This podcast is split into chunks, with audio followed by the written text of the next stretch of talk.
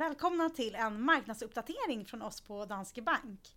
Jag heter Josefin Maxén och jobbar som valutarådgivare. Och med mig har jag Jesper Petersen, valutaanalytiker. Hej Jesper! Hej Josefin! Vi tänkte diskutera de rörelser vi har sett sista veckorna på de finansiella marknaderna.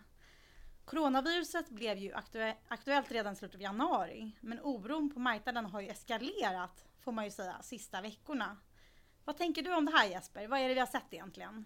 Ja, det som är grejen är väl egentligen att eh, där borta i januari så var det ett kinesiskt problem.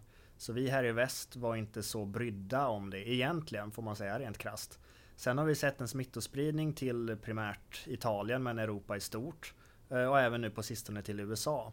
Och då har det kommit oss lite närmare på samtidigt som vi, som vi ser att det här kommer få ganska stora ekonomiska effekter, åtminstone på kort sikt. Eh, så nu har vi på något sätt, det har blivit mer verkligt för oss här, här där vi sitter. Eh, och därav denna stora mediarapportering och den stora oro vi sett på marknaderna. Mm. Men tycker du att vi har sett något utslag egentligen i makrodata från det här eller, än så länge? Eller? Nej, det, det är det vi inte har gjort för den, de, den, den data vi hunnit få in är ju bakåtblickande så att säga. Så vi har fått lite inköp, inköpschefsindex och liknande som, som visserligen var för februari men de täckte inte den här perioden då, då det var en stor issue i, i Europa. Då. Så de senaste indikatorerna vi har fått har varit ganska goda faktiskt, i alla fall i Sverige. Men vi förväntar oss såklart ett, ett relativt stort bakslag nu under de kommande månaderna när, när de är corona eh, justerade så att säga, eller när corona har kommit in i, i företagens eh, produktionsplaner och liknande. Mm. Men eh, någonting som har reagerat är ju verkligen finansiella marknader som sagt. Eh, aktiemarknaden har ju haft stort fokus. Du har sett sista två veckorna rejäla fall. Amerikanska aktiemarknaden mätt i S&P 500 är ner ungefär 15 procent sist jag kollade sista två veckorna. Eh, och svenska OMX då är ner ungefär 10 procent. Vad, vad säger du om det här? Är det väntat, tycker du? Ja, det kommer väl inte som någon större överraskning i alla fall om jag säger så. Eh, dels har vi fått in lite begynnande tecken på, på att det påverkar företagen. Jag tror det var Apple som var ute för någon vecka sedan och vinstvarnade för första kvartalet. De har ju mycket produktion i, i Kina och omnejd. Eh, sen ska vi även ha i åtanke att börserna var, vi hade ju ett väldigt gott år 2019. Eh, så börserna var ju väldigt högt värderade rent generellt, i alla fall väldigt eh, de var på höga nivåer rent generellt om man säger så, så fallhöjden var ju ganska hög. Eh, och då räcker det med lite stök för att det ska bli relativt kraftiga fall trots allt då. Precis, det var ju all times high i slutet av februari. Ja precis, eh, vilket kan vara lite märkligt för då hade räntorna redan börjat falla som en eh, följd av den här coronaoron. Så att aktiemarknaden har reagerat som den har gjort, det tycker inte jag är konstigt utan det är väl att den, om något så är det konstigt att den inte reagerat tidigare. Men det är väl återigen att det är nu det har blivit relevant för oss i väst. Mm, exakt. Men de fallande, de fallande räntorna, även om det är någonting vi har sett tidigare, så är det också de sista veckorna vi har sett de riktigt stora rörelserna. Tänker bland annat på amerikanska tioåringen som är under 1% för första gången någonsin. Sist jag såg var 0,76% vilket är rejält mycket lägre än eh, runt 1,9 tror jag vi var när vi började året. Eh, vad, vad är det som har drivit det här egentligen? Är det helt oron eller vad är det marknaden väntar sig? Ja, det är ju mycket, mycket kopplat till oron förstås. För de långa räntorna är ju lite proxy för hur vi förväntar oss att den ekonomiska utvecklingen kommer vara framgent. Eh, den här coronaoron och vad, den, vad det medför för ekonomiska effekter. Det är ju väldigt oklart här och nu men om något så är det ju inte positivt i alla fall.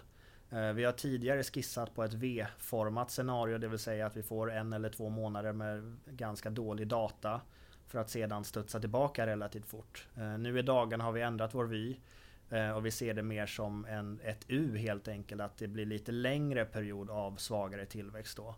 Eh, så det mesta pekar på att åtminstone första, första kvartalet men eh, även, även en bit in i Q2 kommer vara ganska svagt rent globalt då. Eh, så det är en faktor som har spelat in. Eh, sen så ska vi inte icke att förglömma att eh, centralbankerna och prissättningen på de samma eh, har ju verkligen eskalerat här på sistone.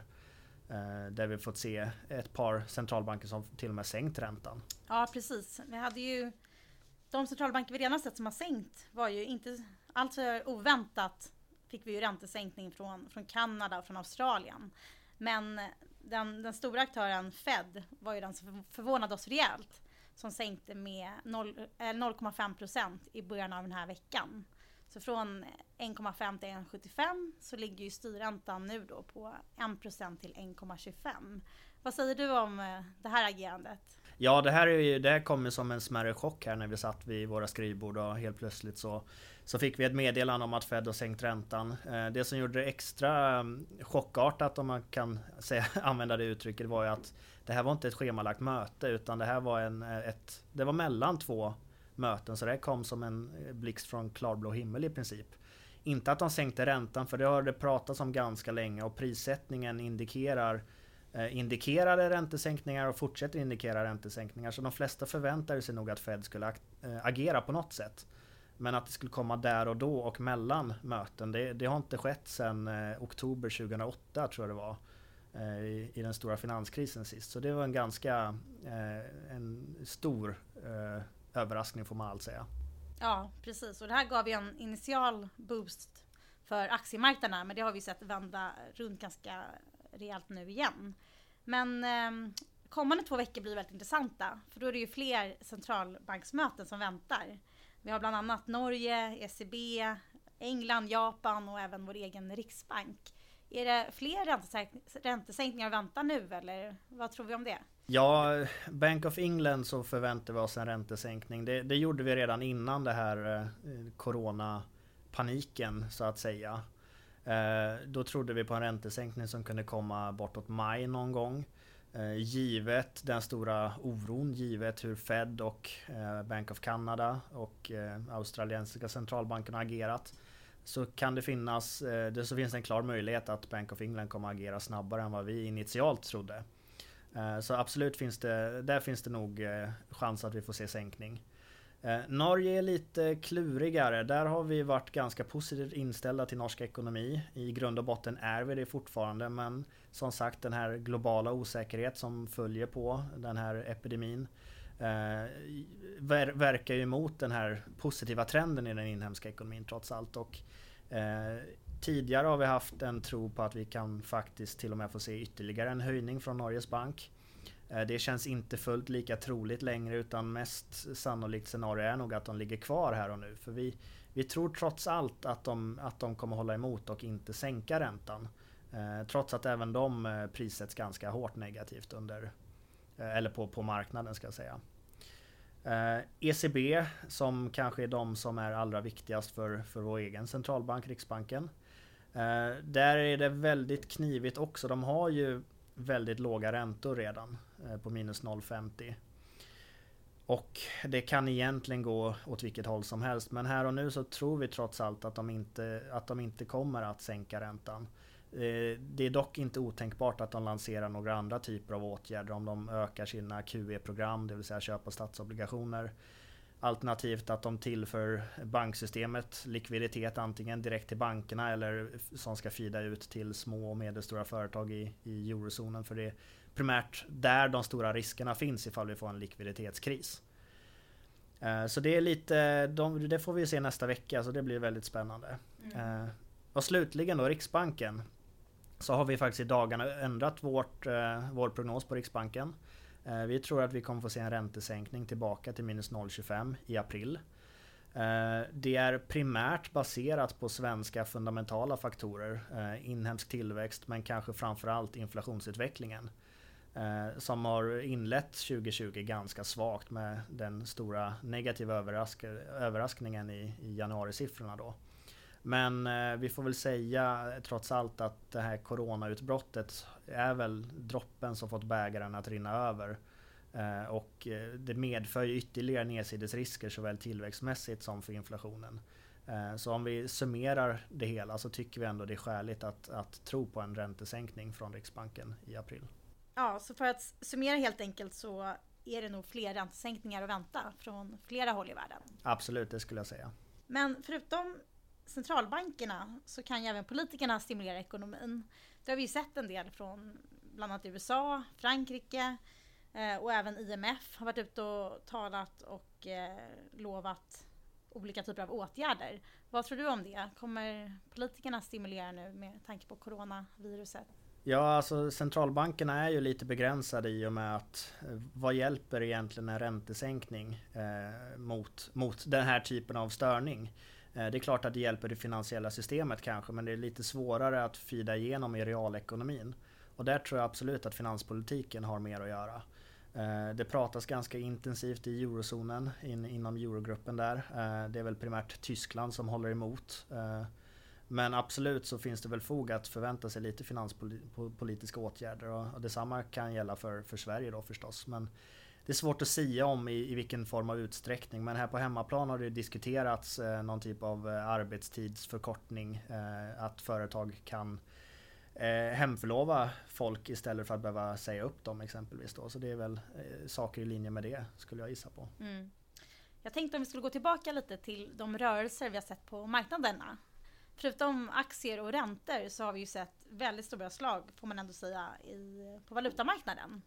Som ju vi tycker är mest intressant att kolla på såklart. Eh, och jag tänkte mm, framförallt då på dollarn som ju är väldigt intressant. I början av året, då, i januari-februari, så gick ju dollarn väldigt starkt. Mycket på grund av att man hade så mycket högre ränta. Att man handlar en carry trade som vi kallar det, att man helt enkelt köpte dollar av den anledningen. Men även när det blev oroligt med coronan så köper man ju dollar när det är oroligt i världen. Men sen så fick vi då den här räntesänkningen från Fed då, den här veckan. Som helt enkelt har fått dollarn att tappa ganska rejält. Från mätt mot euron så är det ungefär fem, ner 5% här nu på, på två veckor. Allt eftersom man väntade sig sänkning från Fed. Vad säger du om det här, dollarrörelsen som vi har sett? Ja den har varit väldigt skarp. Det har varit ett snabb, en snabb förändring där och som du säger så tror vi att mycket har att göra med de här carry tradesen som eh, handlar om att du lånar upp pengar i en lågräntevaluta, placerar pengar i en högräntevaluta och kammar hem avkastningen däremellan. Där då amerikansk dollar har varit en väldigt attraktiv carry-valuta så att säga. Det här har ju försvunnit lite i och med eh, det kraftiga räntefallet. Det har ju primärt varit amerikanska räntor som har fallit. Dels på grund av Feds sänkningar men även för att där hade det störst fallhöjd till att börja med egentligen då. Så det har ju jobbat emot eh, dollarn helt klart. Uh, och det är ju någonting som talar för att dollarstyrkan kanske inte, vi kanske inte har lika mycket dollarstyrka att vänta härifrån som tidigare. Uh, men samtidigt hänger mycket på hur Fed agerar framgent också för marknaden indikerar ju ganska mycket sänkningar till från Fed. Och om inte de lever upp till det hela så kan det finnas en, en chans för en positiv rekyl i dollarn. Då. Jag tror marknaden prisar 50 punkters sänkning till till marsmötet som bara är 10 10-12 dagar bort härifrån. Det är ganska, ganska kraftigt. I, I sådana här typer av miljöer när det är oroligt runt om i världen så brukar man ju sälja av kronan kronan brukar ju alltid handla svagare i sådana här typer av tider. Men det blir lite intressant just mot dollarn då, när kronan faktiskt har stärkt sista tiden, med tanke på att man har sålt av dollar så mycket. Och mätt i eurosek-termer så är vi ju harvar runt 10,60. Vilket jag tycker är lite förvånande att kronan inte försvagas mer. Vad, vad tycker du om det? Ja, jag tror mycket har att göra med den här dollar, eh, dollartrenden egentligen just vad gäller eh, euro-SEK och även dollar-SEK förstås då. Men för vi, tror, vi har länge haft tesen att just att vara lång dollar-SEK har varit en väldigt attraktiv carry trade. När så inte längre är fallet, eller i alla fall när man blir lite orolig för det hela, då stänger man ner den positionen. Och det innebär ett generellt köp av SEK då. Som även hjälper till att stabilisera Eurosek. Eh, för den, har legat någonstans mellan 10,50-10,60 de senaste två veckorna. Eh, och vi hade kanske egentligen bortsett från om vi, om vi bortser från vad Fed har gjort och bara kollar på rådande marknadssentiment så hade man kanske snarare förväntat sig en utveckling lik den vi har sett i Norge. Där euronorska har handlat upp på all time high eh, i princip då. Eh, så jag skulle säga att det, det, är lite, vi räddas lite av dollarsvagheten här och nu i alla fall. Ja, du nämnde ju norska kronan. Och norska kronan är ju en valuta som rört sig extremt mycket sista veckorna. Euro-norska på högsta någonsin. Och det här är ju till viss del drivet av det här risk-off. Alltså när det är oroligt så säljer man ju norska kronor. Vilket man ju också, vi tycker, borde gjort i svenska kronor. Ehm, men varför har norska kronan helt enkelt inte lyckats stå emot som du säger, nämner att svenska har gjort? Ja, det har väl lite att göra med att eh, dels så generellt så är norska kronan kanske än, än mer responsiv för den här typen av sentiment än vad den svenska kronan är. Alltså den brukar gå något mer än vad, än vad seken gör egentligen. Eh, sen kan man se det som att det blir lite av en dubbelsmäll mot Norge för det är inte bara aktiemarknad, eh, börser och valutamarknad som varit turbulent utan även råvarumarknaden. Eh, oljepriset har fallit med, jag tror det är strax över 15% under samma tidsperiod vi pratar om. Det är närmare 20 förresten. Mm. Eh, norsk eh, ekonomi är väldigt beroende av oljan förstås, så det blir lite av en dubbelsmäll där. För då, eh, historiskt sett så har vi sett en ganska, en ganska tight korrelation, alltså samvariation mellan den norska kronan och oljepriset då. Eh, så, så där har du även där motvind för, för eh, norska kronan. Ja men tack för den uppdateringen och jag tror faktiskt vi rundar av där. Som ni hör så är det spännande tider vi lever i och mycket spännande framåt att följa. Centralbanksbesked och hur makrodatan faller ut helt enkelt. Tack så mycket!